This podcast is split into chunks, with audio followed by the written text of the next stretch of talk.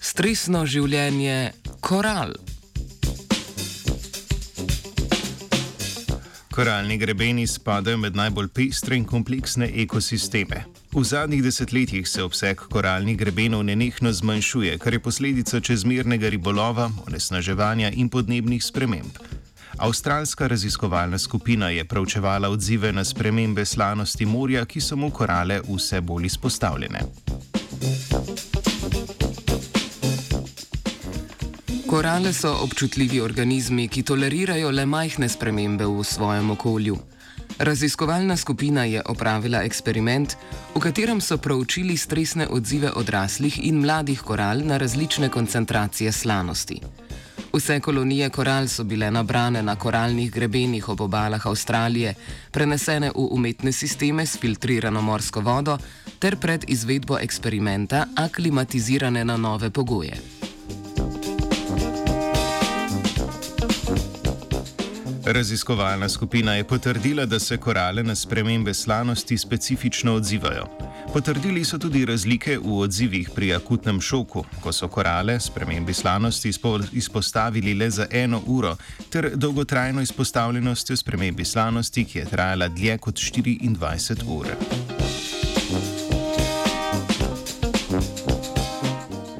Z analizo RNK molekul je raziskovalna skupina opredelila skupine genov, ki so del stresnega odziva koral. Prva skupina genov je del splošnega odziva na stres in vključuje gene za proizvodnjo antioksidantov in proteinov homeostaze. Druga skupina genov zajema gene, vključene v osmoregulacijo.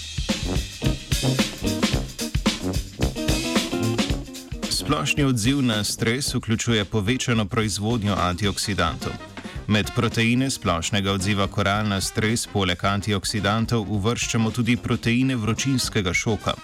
Slednje najpogosteje povezujemo s temperaturnim stresom, čeprav so znanstveniki in znanstvenice potrdili, da je veliko proteinov vročinskega šoka hkrati vključenih v druge stresne odzive, kot naprimer spremembe temperature in koncentracije oglikovega dioksida.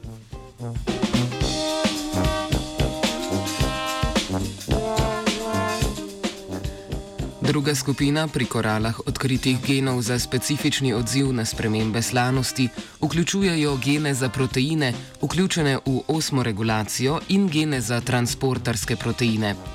Zmanjšana slanost morja zahteva spremembe volumna celic koral ter regulacijo osmotskega potencijala, ki ga ohranja transport ionov skozi membrano.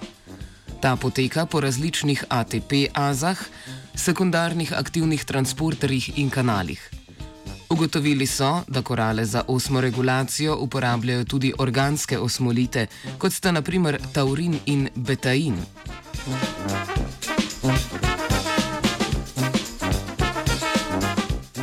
Mlade korale, vključene v raziskavo, niso imele endosimbiontov, ki so bili prisotni pri odraslih koralah. 24 ur po osmotskem stresu je bil odziv na stres podoben tako pri juvenilnih kot odraslih osebkih. Nasprotno je bilo izražanje antioksidantov pri odraslih koralah v primeru zmanjšano slanostjo močno povečano, pri juvenilnih osebkih pa razliko izražanju v času stresa niso opazili. To bi lahko bila posledica prisotnosti endosimbiontov pri odraslih koralah.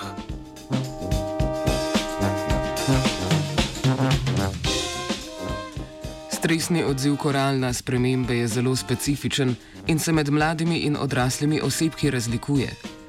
Podnebne spremembe bodo resnost in pogostost sprememb slanosti morja v prihodnosti povečevale, zato je nujen primerni nadzor in ohranjanje grebenov.